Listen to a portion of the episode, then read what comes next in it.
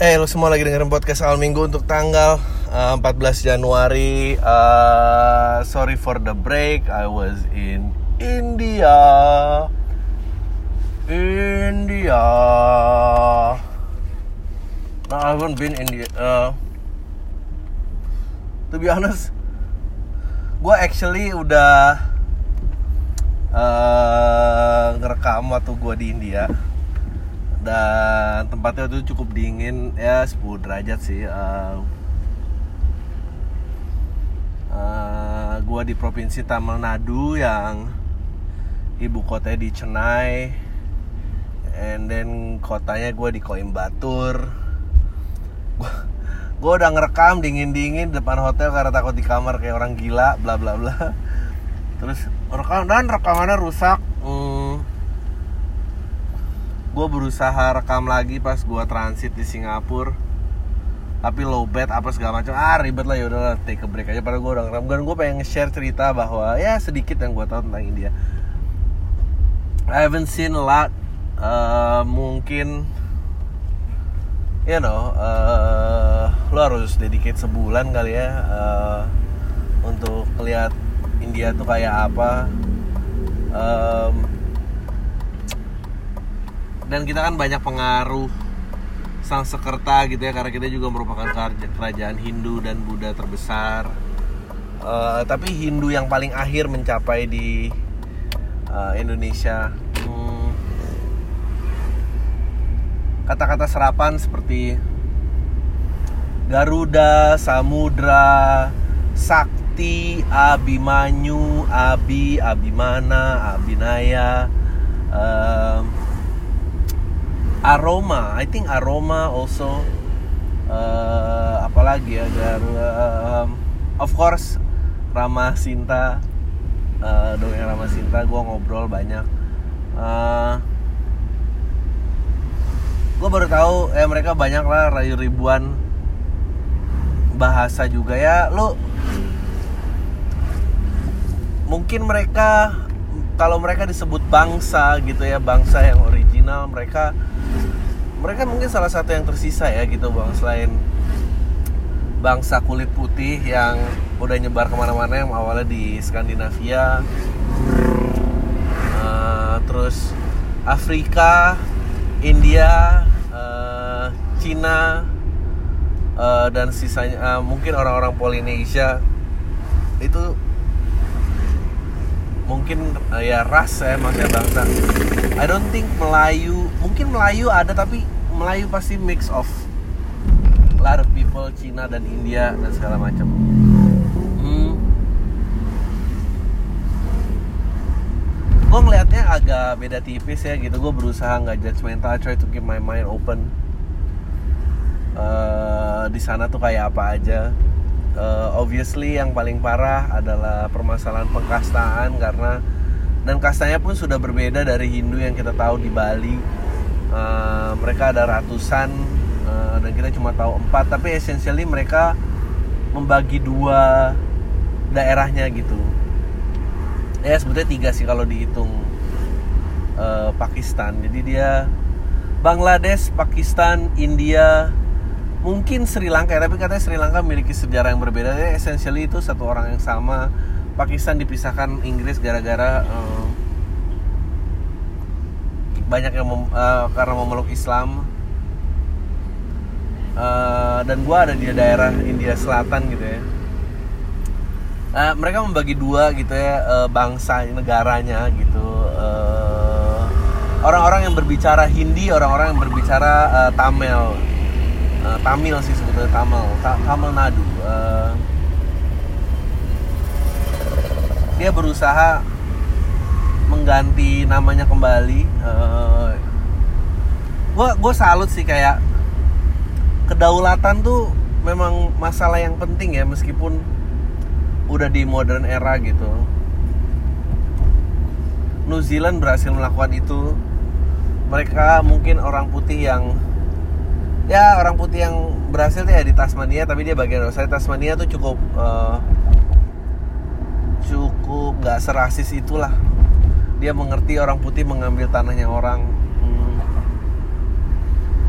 New Zealand menghidupi bangsanya kembali uh, bahasanya orang-orang Maori gitu. Jadi eh, kata-kata uh, basic seperti nafas cinta itu dipergunakan kembali agar bahasanya tetap hidup uh,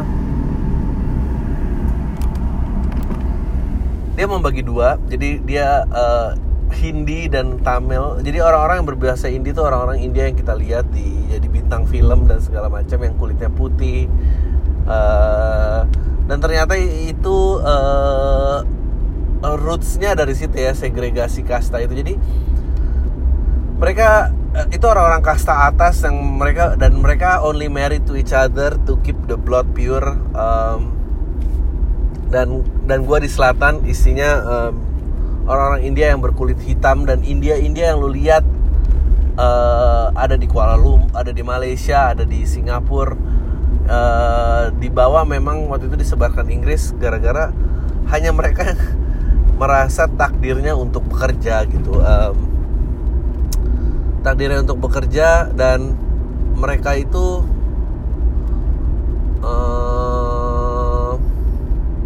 karena mereka dari kasta yang bawah jadi mereka itu nah tapi di antara kasta yang berbawah bawah itu pun mereka memiliki masalahnya lagi uh, dengan orang-orang yang sudah pindah agama dan kawin.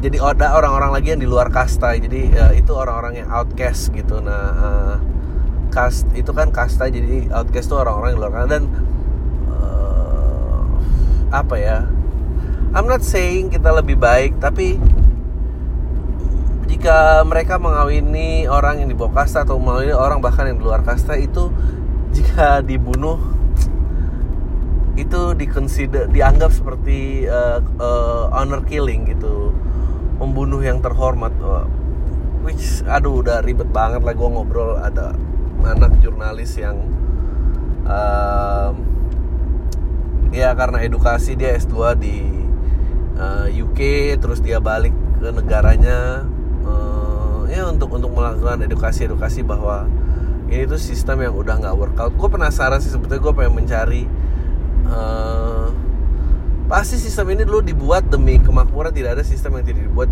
de, demi kemakmuran. Terjadi korupsi dan peng, pengabusan sistem itu itu lain soal tapi gue pengen tahu dulu cita-cita masyarakat seperti apa sih yang yang yang yang diceritakan gitu pada saat dulu. Uh, gua rasa Indonesia sih juga eh, nggak uh, jauh berbeda. Mungkin kita bukan kasar tapi daerah gitu ya ada, you know, Jawa yang terutama biasanya suka merasa lebih superior daripada yang lain gitu. Uh, tidak menerima orang lain gitu. Padahal ya, Jawa itu kan bukan bangsa gitu. nggak uh, ada originalitas bangsa di, maksudnya uh, orang Nias pun tuh banyak pecahan dari Mongol. Uh, intinya adalah kalau kita kawin beda daerah you know di dikeluarkan dari keluarga itu kan merupakan sesuatu yang umum gitu. Yang lucu yang mengkhawatirkannya uh, mereka akan mengadakan election di waktu yang sama dengan Indonesia bulan April. Uh, dan narasi yang dilakukan oleh mereka uh, itu sama gitu karena gue belajar di jurnalis ini bapaknya Katolik uh, and then kawin sama ibunya yang kastanya mungkin dari kasta menengah ya tapi karena terjadi seperti itu tuh mereka di outcast. Uh, biasanya mereka juga di band dari desanya. Uh, terus mereka berusaha mempererat bangsanya gitu dengan uh, narasinya itu sama. WhatsApp tersebar di WhatsApp keluarga adalah ya musuh orang Hindu adalah uh, Islam, Kristen dan Katolik. Anjing maksud gue it's the same narration man. Cuma beda dibalik-balik aja gitu. Uh, dan dan dia mereka lagi berusaha kayak enggak India tuh nggak punya problem. Uh, kita mempersatukan problemnya tuh dari orang-orang luar. The same dan memang mengerikan uh, sosial media dan algoritma berita ya gitu. Pada saat lo mengkonsumsi satu ya itu terus ya dan masa keluarga isinya kayak gitu.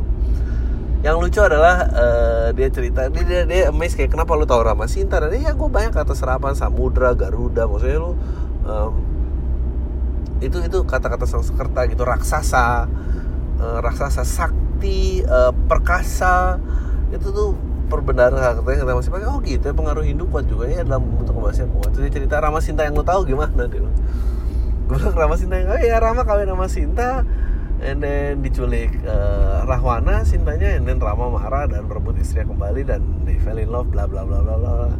Terus dia bilang ya ya nggak tapi itu dongengnya orang Hindi itu dongengnya Rama Sinta Hindi. Kalau orang uh, Tamil nggak seperti itu. Uh, di Tamil itu adalah uh, Sinta dan Rahwana itu bersaudara katanya.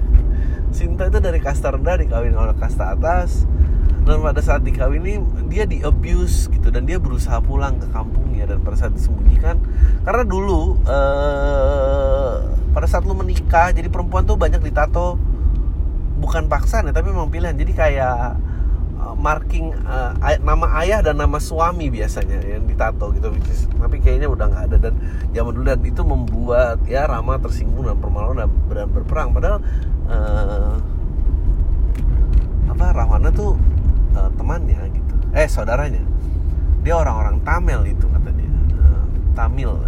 Terus gue kayak man emang history itu told by the winner ya gitu. Maksudnya uh, luar biasa banget gitu yang gue dapet. Dan ngerasa kayak langsung eye opener wow ini fakta banget ya daerahnya gitu kayak. Uh, dongeng aja bisa ada dua sisi seperti itu gitu mereka berusaha mengganti nama India mereka nggak suka karena India. Itu tadi ini masalah kedaulatan India itu adalah nama pemberian Inggris kata dia gitu. Nggak kita ini orang-orang Tamil kata gitu. Ini orang Tamil. This should this ini should be called Tamil land gitu. Tamil language Tamil land Tamil people gitu. Bahwa itu orang-orangnya um, gue kadang-kadang merasa gue juga bingung sih kayak apakah identitas itu sesuatu yang ada dan bukan kita carikan kalau ada orang ya find yourself apa gitu. Nah, seberapa penting ya, ya kayak ya. Ya era Soeharto kita melakukan itu di mana uh, seperti penamaan Irian Jaya uh, Irian Jaya berasal dari ikut uh, Republik Indonesia uh, anti Netherland Jaya tapi gue nggak tahu itu sejarahnya diberikan pemerintah apa mereka memang menamai dirinya sendiri. Uh, akhirnya mereka dikembalikan kepada Papua, uh, namanya Papua. Uh, kita melakukan itu dengan Makassar ujung pandang kan tadinya kan. Uh, dan ini banyak dikembalikan pada saat uh, era Gus Dur gitu. Uh, identity orang tuh memang harus diakui. I guess gue rasa itu benar. Maksudnya um, apa ya? Gue pun juga gue nggak tahu apakah Indonesia itu sebuah Indonesia pasti bukan sebuah fakta. Uh, Indonesia waktu itu kan Belanda pun juga mengakui Republik Indonesia itu sebetulnya waktu pada saat RIS Belanda hanya mengakui RIS sebetulnya. Uh, gue nggak tahu gue penasaran apa yang terjadi. Gue yakin akan ada gue yakin pertumpahan darah juga gitu. Uh, selalu dalam penyatuan waktu Gandhi mereka memulai perang saudara itu kan ceritanya uh, Gandhi uh, dipilih untuk mewakili India uh, tapi mulai ada pembelotan uh, maksudnya bukan pembelotan sih kayak lebih kayak ada yang mau bersaing gitu dan merasa ya bukan cuma Gandhi dong salah satu-satunya. Uh, dan Gandhi bilang siapa pun yang memimpin India itu bukan masalah yang penting India itu tetap satu. And then ada yang datang dari kaum Muslim gitu dan pendukung dari Hindu sendiri nggak terima dan dia dibunuh pendukungnya sendiri gitu. Uh, dan kayaknya itu yang terjadi itu yang terjadi kenapa akhirnya dipecah jadi Pakistan dan ini udah ribut deh lo. Uh, gue juga penasaran uh, karena menurut gue Polynesia countries uh, New Zealand, Australia, Indonesia Timur, Hawaii itu satu rumpun dia. Mereka tuh orang-orang dan waktu itu uh, Belanda mengakui bahwa uh, enggak kalian tuh ris aja Republik Indonesia Serikat. Yang menjadi Republik Indonesia adalah Sumatera dan Jawa. Sisanya adalah negara masing-masing. Uh, waktu itu sempat Padang menjadi ibu kota dan gue nggak tahu apa, apa yang terjadi pada saat itu. Dan itu missing piece sejarah yang yang yang nggak nggak diketahui dari mana gitu. Um, gue rasa memang mungkin ada tata krama cara berbahasa. I don't know apakah kita tuh segitu separatednya gitu. Nah dan udahlah terus akhirnya jadilah Republik Indonesia yang seperti kita tahu sekarang gitu. Um, gue sih bisa melihat itu ya terutama konflik karena memang uh, terutama yang sifatnya negara kepulauan bukan daratan luas gitu. Kalau teman gue bilang pesisir sama pesisir sama orang pedalaman gitu. Jawa tuh pedalaman. Karena pedalaman interaksi dari luar nggak banyak mereka banyak menciptakan uh, cara berkomunikasi sendiri. Uh, dan pesisir karena orang bersinggah itu banyak ya komunikasi harus dilakukan uh, dengan cara sesingkat dan seefektif mungkin. Makanya orangnya keras. Sebetulnya bukan keras tapi ya it, it, itulah caranya gitu. Um, uh, ya nggak tahu ya. Gue sih ngeliat itu bahwa it's so close to back home uh, dan merasa bahwa memang kita ini orang timur ya gitu. Uh, lu tahu gitu kepercayaan yang sebetulnya original itu. Apa ya sisanya nggak tahu tapi gue ngomong kayak gini disebut menistakan agama gitu? Sebetulnya nggak sebetulnya semua agama yang diakui negara itu negara agama impor. Bukan ini agama original kita nggak nggak nggak nggak nggak tahu ya kalau Indonesia dibalikan kedaulatannya. Nah ini yang menarik nih ntar gue Indonesia kalau mau dibalikan kedaulatannya uh, New Zealand berhasil melakukan itu uh, Australia tidak berhasil melakukan itu uh, karena ternyata ada problem baru. Jika orang hidup dari uh, support pemerintah gitu dibiayai penuh orang tidak memiliki tujuan. Ada gue lupa aktivisnya siapa seorang perempuan uh, orang aborigin uh, di Australia. Dia bilang ini deh uang pemerintah gue beliin traktor gue beliin apa. Jadi uh, if people wanna get it they have to work. Dan ya lu kebayang gak sih kayak orang yang terisolir ini tiba-tiba harus bersaing di abad 21 gitu kan pasti ribet banget. Iya tapi tanahnya tanah mereka gitu dan diambil um, Indonesia kalau dilakukan itu sih nggak tahu ya uh, kita harus mundur berapa jauh dan uh, pasti terjadi kekacauan yang luar biasa struggle of power uh, yang luar biasa gitu. Uh, yang lucunya adalah pada saat gue perjalanan pulang gue transit di Singapura Singapura. Gue gue duduk so, sama sepasang kakek nenek yang ya mungkin couple-couple yang udah nggak lo temui lah di zaman modern. Mereka sama-sama pakai jaket parasut sama-sama pakai topi pancing. Lucu banget manis banget. Satu kelahiran I think 47 gitu. 47 uh, dia lagi mengunjungi anaknya yang kawin sama orang Malaysia. Dan mereka mau ganti warga negara menjadi warga negara Singapura. Dan udah maju lah kita ngobrol lah panjang lebar. Dan gue nggak bisa sebut namanya eh, gue nggak bisa sebut juga dia dari mana berasal. Karena karena ini some konspirasi shit gue seneng banget duduk dan ngobrol sama pelaku sejarah gitu. Uh, dia dari angkatan bersenjata. Uh, uh, dia merupakan ya dia angkatan bersenjata ya Republik Indonesia ABRI gitu ya dan dia jadi cerita lah zaman Soeharto seperti apa dan dan sengketa sengketa pembebasan sana seperti apa. Uh, dia dia bilang bahwa dan dia merupakan senior dari salah satu calon presiden Indonesia. Tapi uh, dia ber, gua udah ngobrol-ngobrol-ngobrol and then uh, gue lu namanya dia tuh sangat Jawa dia dari Jawa Timur desanya gue akan rahasiain. Namanya tuh Priambodo apa Sugiono apa pokoknya Jawa banget lah. Eh gue ngomong begitu dia sebut angka men ini pasti bicara akan mengarah politik dan gue kayak aduh gue nggak siap deh nih. Uh, ya udah terus gue cerita bapak emang dukung siapa ya kalau mau pakai kepala sih ya saya dukung satu. Oh gitu. Saya kira eh, karena bapak angkatan bersenjata bapak pasti ngomong enggak angkatan bersenjata itu pecah dua. 50-50 tapi kalau angkatan laut angkatan udara udah pasti paslon satu. Dia cerita uh, bagaimana dia survive di negara ini. Dia keturunan Tionghoa Cina.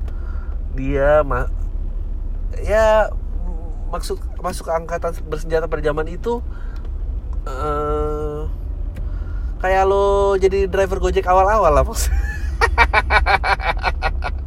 fasilitas banyak semua terpenuhi bla bla bla dan dia mulai membuka cerita bahwa saya tuh nggak bisa bilang saya tuh orang bersih gitu. saya saya memiliki kesalahan tapi pada saat yang itu tuh memang begitu gitu. dulu ada semboyan gue lupa bahasa Jawanya apa tapi artinya kira-kira gini. Ini semboyan dari uh, Soeharto pada saat itu.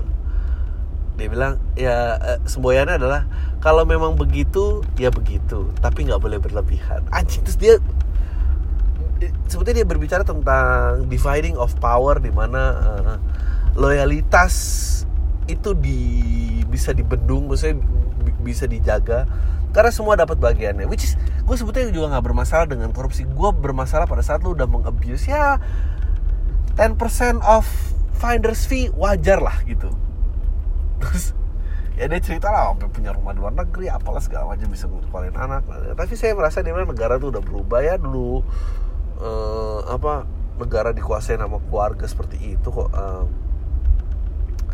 bagaimana ceritanya? Saya nggak bilang dia orang buruk tapi saya rasa di 3-4 pemerintahan terakhir itu menjadi sangat jelek saat uh, anak-anaknya beliau pun ikut berkuasa gitu dia. Dan dulu cara cara mendapatkan loyalitasnya adalah begini. Dan ini dia kenapa angkatan bersenjata masih obses untuk berkuasa sekali lagi jadi dulu pada saat plottingan seperti itu adalah uh, angkatan bersenjata memiliki lembaga lagi di tengah-tengah dia jika lo dianggap berprestasi dan um, ya berprestasi dan dan dan dan sportif lah gitu. Uh, dulu 27 provinsi, 16 gubernurnya dari angkatan bersenjata.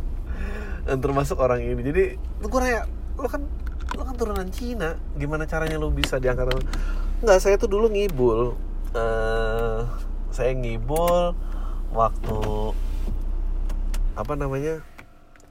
Waktu saya masuk dipukul-pukulin, ditanya asalnya dari mana, asalnya dari mana gitu. Mungkin akte lahir juga belum ada, Pak. Saya bilang uh, saya dari Manado kata dia gitu gimana caranya tapi bingung takut ketahuan dia bilang ya aduh nama Priambo Priambodo apa Priyogo apa siapa lupa gue namanya siapa demet gue sampai ngasih nomor gue tuh padahal dia nggak SMS sampai gue sampai saat ini. Ngobrol dua dua jam sampai habis. Dia, dia bilang ya udah saya ganti aja nama saya saya tambahin M.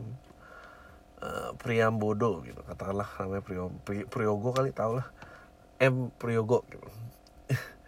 M-nya sih jadi Michael katanya gitu udah agama pindah. Ya lo harus pindah waktu itu Katolik. Ini dia berprestasi dan dia masuk ke lembaga itu. Dan nunggu posting dia janjikan jadi gubernur di mana. Tuh bilang tapi pak Indonesia sulit nih pak kalau bapak gubernur uh, uh, Katolik gini kata gitu.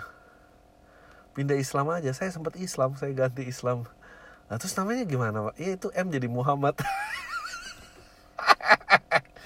Genius lah. Gue ngobrol sama dia dan uh, dia cerita tentang salah satu developer gue nggak bisa sebut sih uh, membebaskan tanah.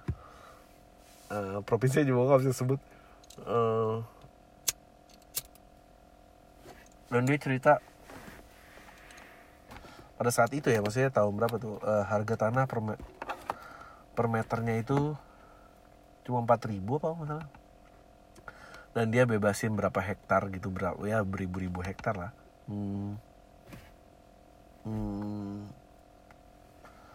yang dulu juga dipegang anaknya dan angkatan bersenjata pada saat itu. Dan dan sekarang udah jadi PT yang legit lah udah nggak bisa diapa-apain.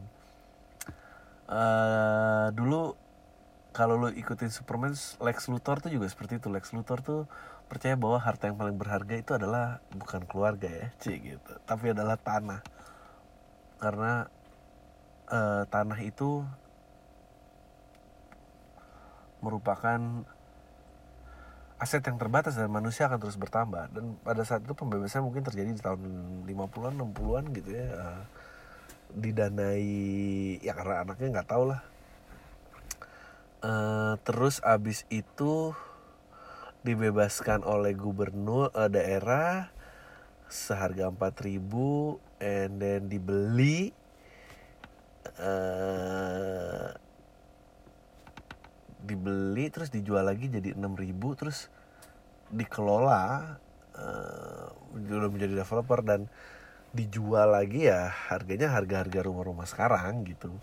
Jadi lu kebayang investasinya meledak seperti apa. Uh, dan dan that's just how business works pada saat itu. Hmm. eh beliau menutup bilang ya tapi negara mau berubah ya. Saya rasa pada saat sudah bersih harus bersih gitu. Saya pun ini saya masih perang banyak sih dengan uh, keren banget sih bisa jadi film. Saya masih perang banyak dengan uh, satu-satu apa alumni alumni dari angkatan bersenjata gitu bahwa mereka pengen ada power itu. Dulu lu diposting kayak gitu lu bisa ngebebasin tanah uh, dibeli atau lu jadi pengelolanya juga. Hmm,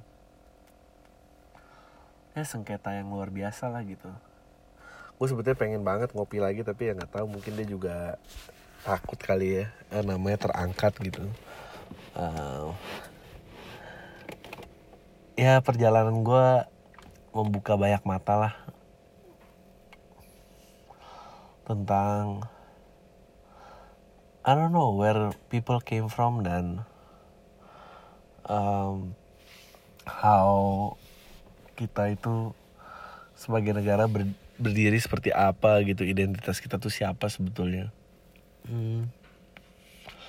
ya oke okay lah. Mungkin itu aja yang gue share.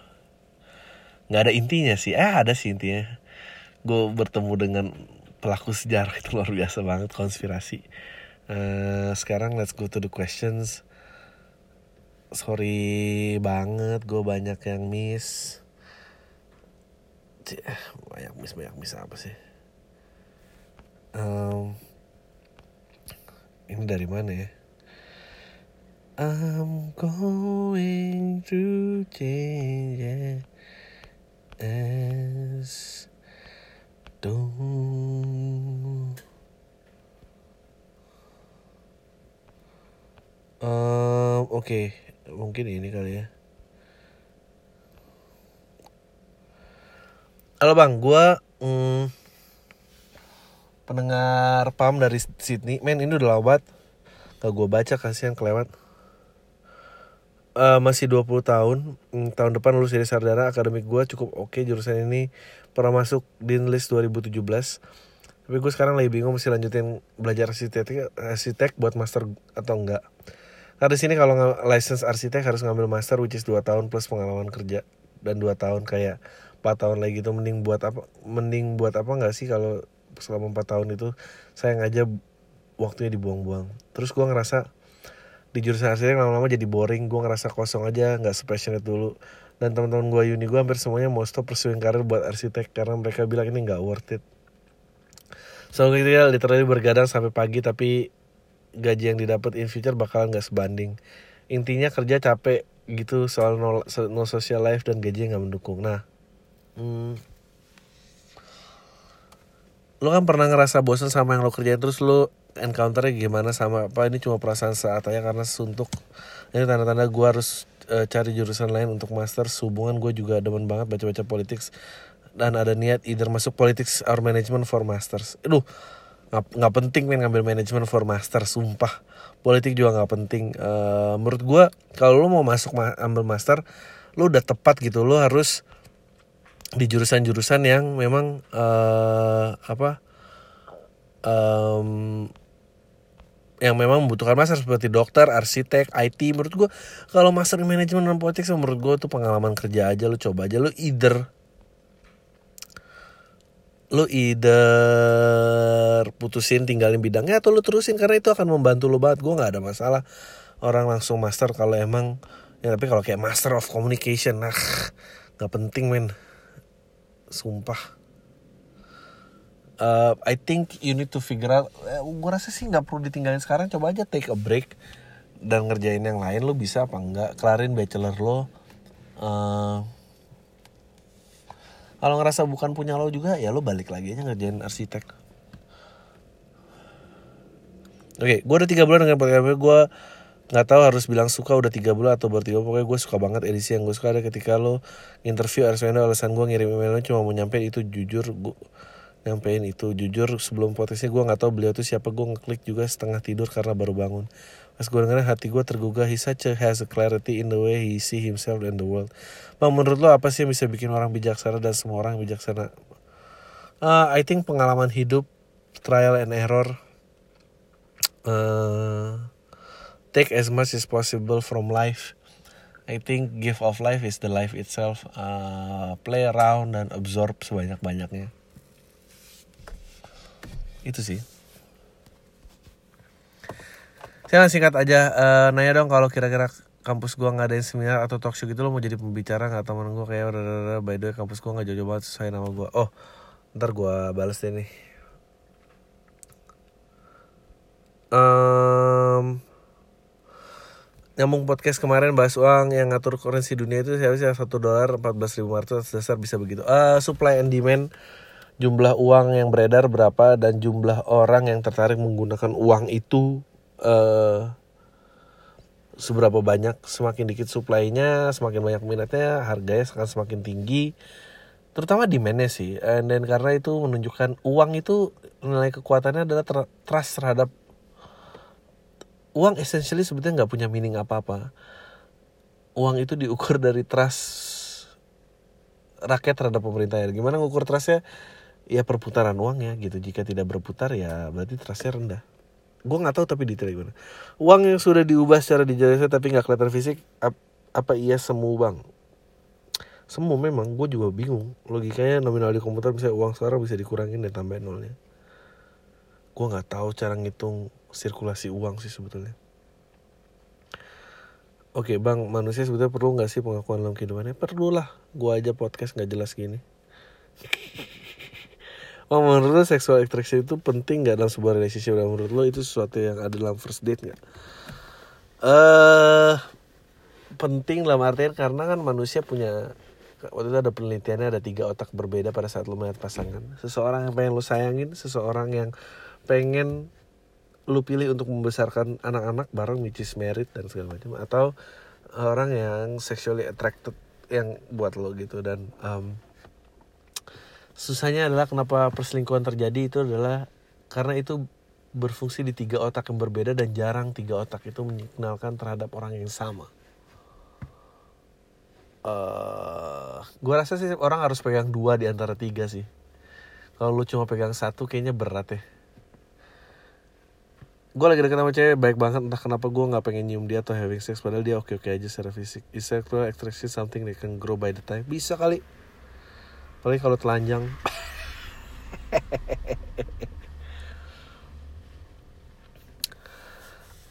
Ceritanya ada elit politik menyuruh seseorang untuk membunuh orang uh, bukan polisi yang sedang menangani kasus elit politik tersebut. Seorang tersebut sudah mati dan tersebar berita di mana-mana. Akhirnya polisi mencari siapa pelakunya tapi hingga saat ini pelakunya belum juga ketemu Hingga akhirnya ada kasus yang sama muncul. Tapi sembuhnya tidak disuruh oleh elit politik karena emang bukan masalah si elit politik. Polisi bisa menemukan pelakunya terhadap kurang dari 24 jam. Malam minggu berikutnya terjadi kasus yang sama dan pelakunya sekali ditangkap kurang dari 24 jam. Akhirnya masyarakat bertanya-tanya, kenapa polisi susah melakukan pelakuan pembunuhan yang disuruh elit politik tersebut? Kemungkinan ada dua. Tapi lu tulisannya tiga gitu. Tapi nggak apa-apa gue baca. Pembunuh tersebut karena sudah dibunuh karena takut pembunuh tersebut menyebar luaskan siapa yang menyuruhnya.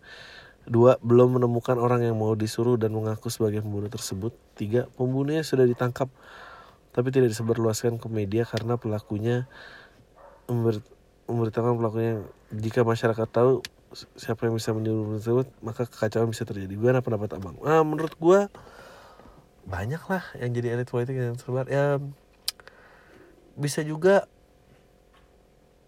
uh, elit politiknya sudah berkoalisi dengan kuasa hukum itu bisa lebih mungkin lagi. Udah kayak gitu mau gimana? Ya kan? Oh, menurut lo efek domino dari sikap yang selalu menerima kenyataan ibu dengan neko-neko ke depannya apa aja sih? Apa orang yang perseptif gitu dia jadi orang pesimis dia juga nggak punya tantangan hidup kayak orang-orang yang selalu panik sama apa yang di depannya Oh ya gue kadang-kadang kalau lagi ngumpul sama temen suka ngeplay podcast lo First impression temen gue ini apaan sih? Lo lagi denger orang mabok Udah kita aja bang santai and happy new year. Um, uh, Anjing nih siaran pertama tahun ini ya, ya oke lah. Gue juga sebetulnya bukan orang yang seambisius itu But I think my life work just as fine. Gue rasa sih yang gue pelajari ya uh, di umur gue yang sebentar lagi akan menjadi 35 ini. Uh, lu nggak boleh takut aja sih nggak boleh nyerah terhadap ketakutan. Lo harus bisa mencoba gitu. Yang paling berat adalah kadang passion itu menyamar jadi ketakutan lo gitu. Lo bukan passionate tapi lo emang nggak pernah mau coba yang lain. Itu sih yang paling bahaya.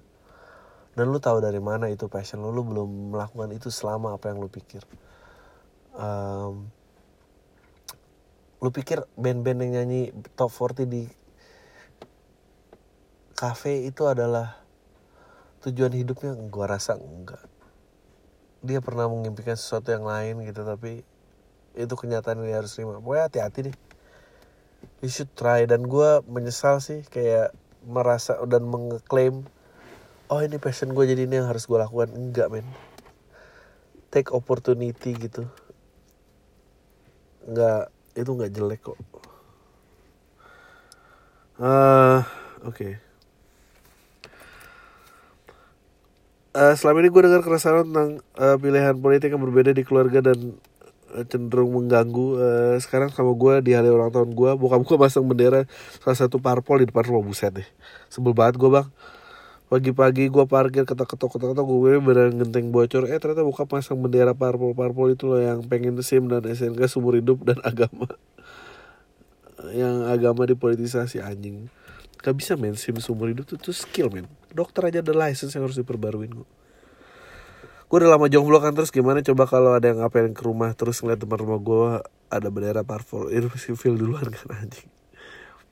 Ya ada calonnya nggak? Kalau nggak ada calon ngapain khawatirin Bokap gue dulu golput Purnawirawan juga gitu kan gak peduli sama yang pemerintahan. Dan sekarang mulai mendalami agama dan aksi internet besar dan berubah jadi gini. Sementara gue keluar dari rumah ini di rumah kakak gue atau mes kantor gue sampai bendera turun gue mau balik ke rumah bokap. Menurut lo gimana yang kelakuan bokap gue sekarang? I don't know man. Gue juga gak ngerti. Uh, menurut gue orang yang atas 55 tahun tuh gak boleh vote. Karena ngapain dia mutusin masa depan kalau dia gak terlibat? Uh, karena terus ya gue tuh dulu sama orang tua gue di lima dia mereka lima puluhan gue masih sering tuh ribut gotok-gotokan tapi kalau enam puluhan gue tuh udah mulai gak tega ributnya.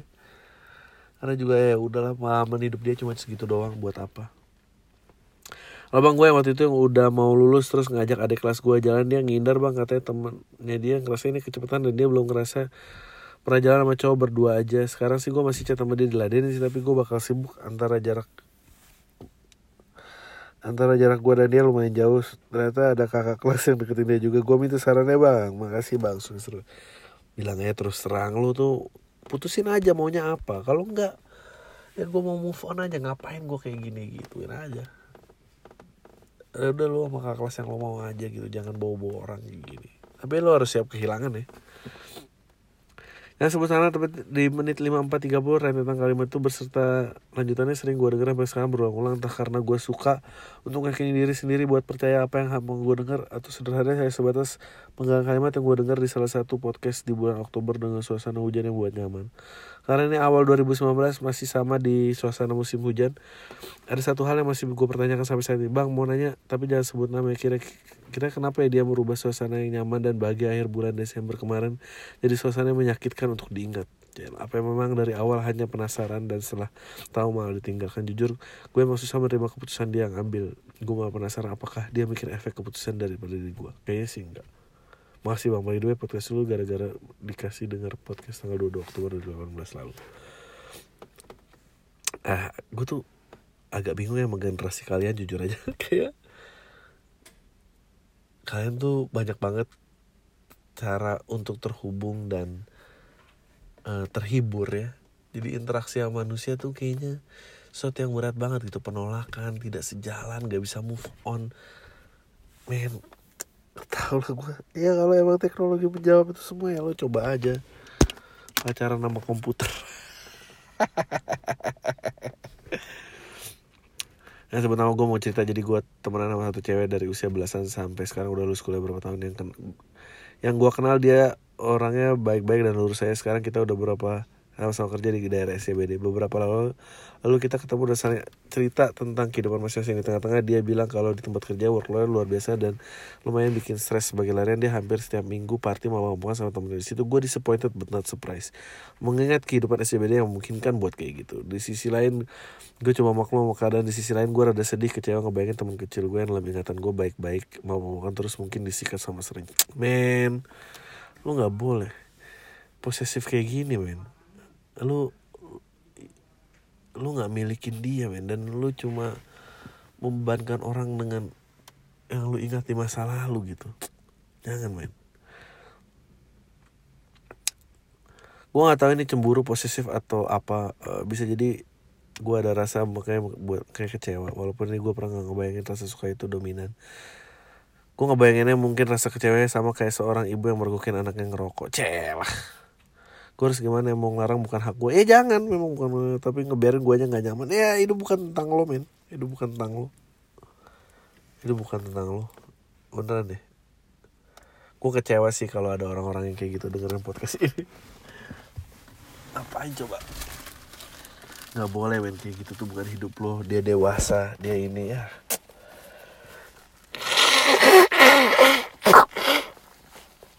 kecewaan tuh bagian dari hidup lah. Lo mau gimana sih? Ah tau ah gue jadi sebel. Uh, gue mau nanya nih gue punya pacar nih tapi mantannya pacar gue ini belum move on bang. Kayak masih suka berharap gitu kayak suka kangen gitu. Gue bingung harus diapain gue biarin aja. Apa gue bilang suruh ngejauh aja be apa gue harus putus aja bang ya masa lalu tuh bagian dari orang yang lo kencanin. Jadi kalau lo nggak suka ya gimana dong? Kalau nggak sanggup menerima masa lalu orang ya lo kurung aja. Men nggak bisa men. Either lo terima keadaannya gitu atau lo keluar udah Ya belakang ini rame tentang KPU ya katanya ngasih kisi-kisi buat pertanyaan debat capres sebelum debatnya dimulai. Hal ini membuat salah satu kubu yang bikin isu kalau capres sebelah gitu nggak kompeten sampai pertanyaan-pertanyaan debat capres aja pakai bocor. Tanggapan lu tentang ini mana? Lu setuju nggak debat capres pakai kisi-kisi atau enggak? Men, gue sih nggak suka nonton debat capres ya. It's just show how stupid yang bakal mimpin negara ini sih. Gak usah pakai debat lah siapa sih yang nontonin debat itu ngerasa kayak hmm gue hari ini ragu tapi karena setelah nonton debat gue jadi tercerahkan dan ini pilihan nggak ada men orang itu nggak ada udahlah. Gue lagi deketin cewek tapi cewek ini masih berhubungan sama mantan itu mantannya ngajak balik gimana caranya buat yakin kalau balik sama mantan salah ah, lagian dia bingung jadinya mau pilih gue apa mantannya? Ya uh, jelaskan aja kalau lu tuh mau sama dia teguh pendiriannya udah. Mantan tuh emang ya udah sih. Lo mau macarin siapa sih? Macaran anak SMP gak punya mantan? Gila pak. Gue denger banget tapi gak sia-siapa sih. Tapi gue suka banget sama podcast lu cara lo asik ngalir aja meracau tapi tetap mudah dimengerti walaupun bahasanya tentang hal-hal berat. Sedap. Gue emang gak setiap episode gue dengerin gue gak pernah tapi gue gak pernah unsubscribe niatnya tuh emang kalau pengen dengerin pola pikir orang yang kelihatan punya muatan agama sangat minim tapi dia intelek dan kritis. Hah? Brengsek. Niatnya tuh ya emang pengen dengerin. Dia berbicara banyak tentang ciptaan Tuhan tapi nggak pernah pelajaran mengenal Tuhan. Dan kayaknya lu sangat mewakili. Kata siapa pengetahuan agama gue tipis? Men lu kalau tahu jabatan organisasi gue tentang agama men lu kaget men uh, gue sering dengar bagian podcast eh apa sih ini? Orang nggak tahu apa apa sebenarnya. Lo kayak tapi ya itu sih yang bikin gue mau dengerin lo lucu aja jadi nambah info tentang ada perspektif seperti di luar sana. Gue pengen pendapat lo gimana? Oke, ini ngikutin agama tuh kan lebih aman daripada sok liberal dan bahkan ateis. Karena seandainya kita beragama terus mati dan ternyata nggak ada kehidupan pasca kematian ya kita nggak rugi. Tapi kalau kita terlanjur nggak nurut agama terus mati eh ternyata beneran nggak ada zong lah. Monggo ditanggapi. Uh, I don't know. Uh, gini gua hidup dari mulai yang uh, uh, taat sangat taat bahkan uh, uh, akhirnya gue ada di rebel, rebel period di mana oh yang gue ketahuin itu semuanya salah dan gue beribel balik. Tapi sekarang gue ada di titik di mana apa pun argumentasinya I think life is just too hard to be pointless gue nggak tahu itu sih gimana cara menyelaraskan. Gue yang jelas ya banyak lah nggak setuju nya dengan tapi banyak juga kok setuju ya dengan uh, nilai-nilai kehidupan yang diajarkan gitu ya. Gue tidak setuju banyak dengan kok pahala dan dosa gitu uh, ganjaran dan balasan tuh gue eh ya balasan dan kenikmatan tuh gue banyak ini ya tapi gak tau ya gue ya gue melihat India gitu ya. Lihat India dan ketemu si kakek nenek kemarin itu. Terus gue nanya si kakek jadi sekarang apa pak? Ya saya sekarang udah balikin lagi ke Katolik. Tapi ya udahlah. Saya ngerasa bingung dia membuat gue hopeful. Semua ngaku benar semua ngaku benar nih Tuhan yang benar. Apa ini? Jangan nggak ada yang benar semuanya salah kali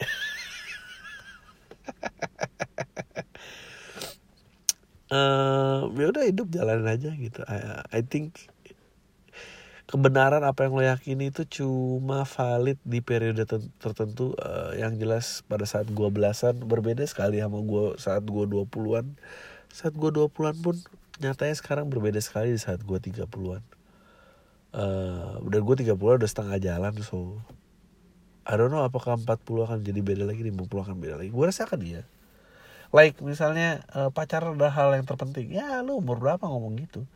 Atau cinta dalam ya, tergantung. Gue lu merasa passion adalah yang umur sangat penting sekarang main kalau 35 kere sih gue nggak mau ya gitu. Maksudnya beda banget gitu. Uh, jadi ya gue menjawab itu adalah bukan main aman main orang berubah-berubah. Saya kalau tanya dari semuanya bahas di. Mau nanya dong untuk versi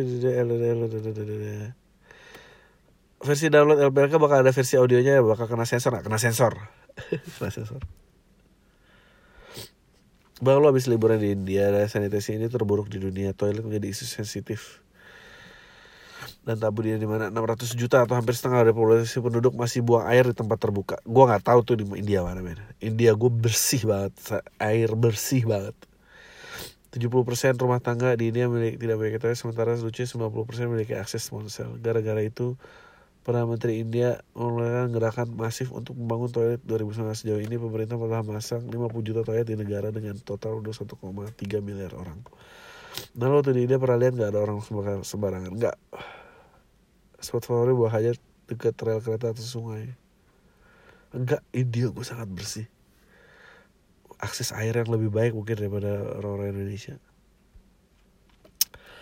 Gue sebut apa gue pengen aja Gue umur 21 semester akhir di jurusan broadcast Tapi jiwa gue di film seputar Indonesia sutradara Gue belajar di film kurang lebih dari praktek dan Youtube aja. Gue orangnya cukup introvert dan jarang mau datang ke workshop. Gue berharap bisa masuk ke PH Atau sarana yang bisa bikin gue belajar banyak perspektif Baru bukan buat duitnya bahkan kayak nggak dibayar setahun pun juga nggak apa-apa. Kalau dari pengalaman lu sekarang cara terbaik gue bisa terjun ke industri film apa bang?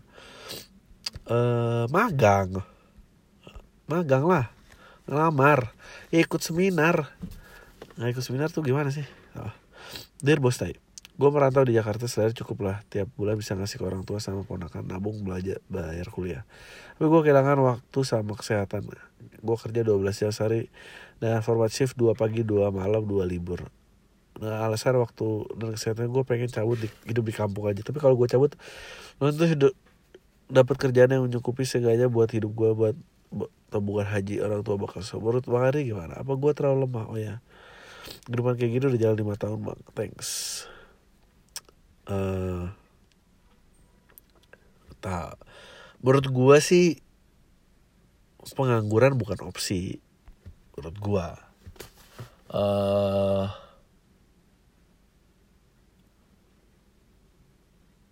uh, kalau lu cari opsi yang lain dan dapat penggantinya boleh. Tapi kalau nggak jangan men. Orang harus makan. Lo pengen ngebalas kebaikan orang tua lo itu mulia kok uh, cari penggantinya dulu. Jangan balik ke kampung. Kalau balik ke kampung ada opsi nggak apa-apa. Tapi kalau nggak jangan ya Abang gue makasih udah nemenin waktu gue selama kuliah. Gue minta tanggapannya lu bang. Gue punya pacar yang udah jalan 3 tahun. Kita LDR for the last 2 years. Gue kuliah di luar negeri. Dia kuliah di luar Tapi beda negara. Nah untuk winter break kita beda jadwal gitu bang. Ya gak bertemu walau winter break. Ceritanya gue punya friend with benefit. Wah jadi tiap gue balik winter break Pasti gue mainnya sama dia. Tapi ini Friend with benefit ini toxic banget sih Neneng gitu lah. Ya gak apa-apa lah ya neneng ya enak gimana lu?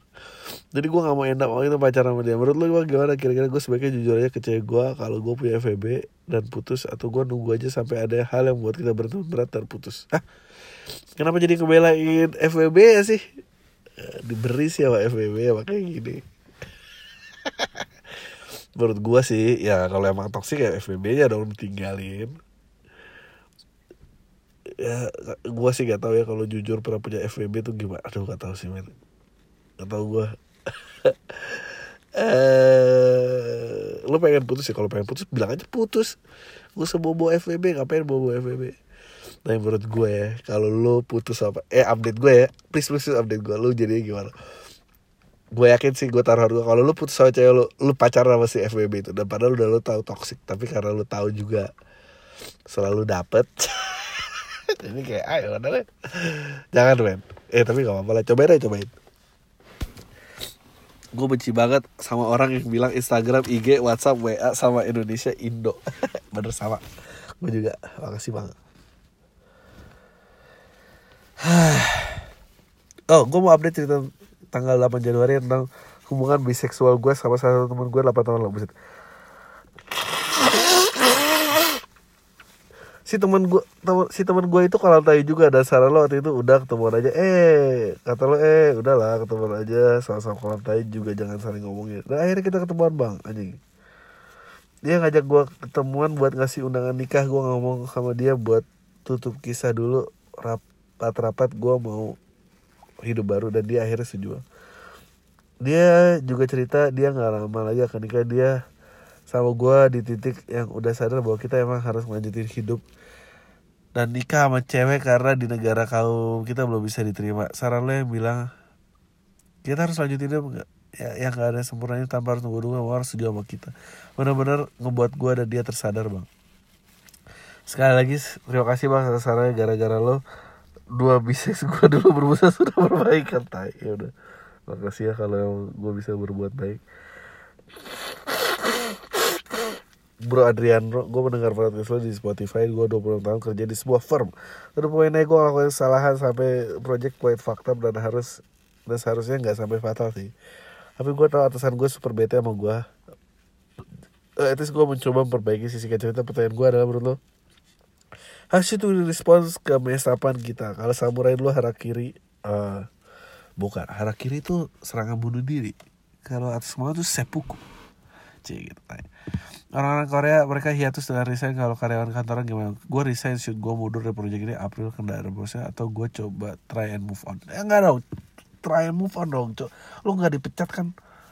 Lo mau jadi penganggur apa? Gila lo kerja lagi main duit better the next time. Udahlah brush it off. Duit the better next time. Gue udah siap sih buat resign. Teks udah baca Januari belum muncul juga sih podcast style lah Sesuai gue sangat enjoy dengan podcast lo oke. okay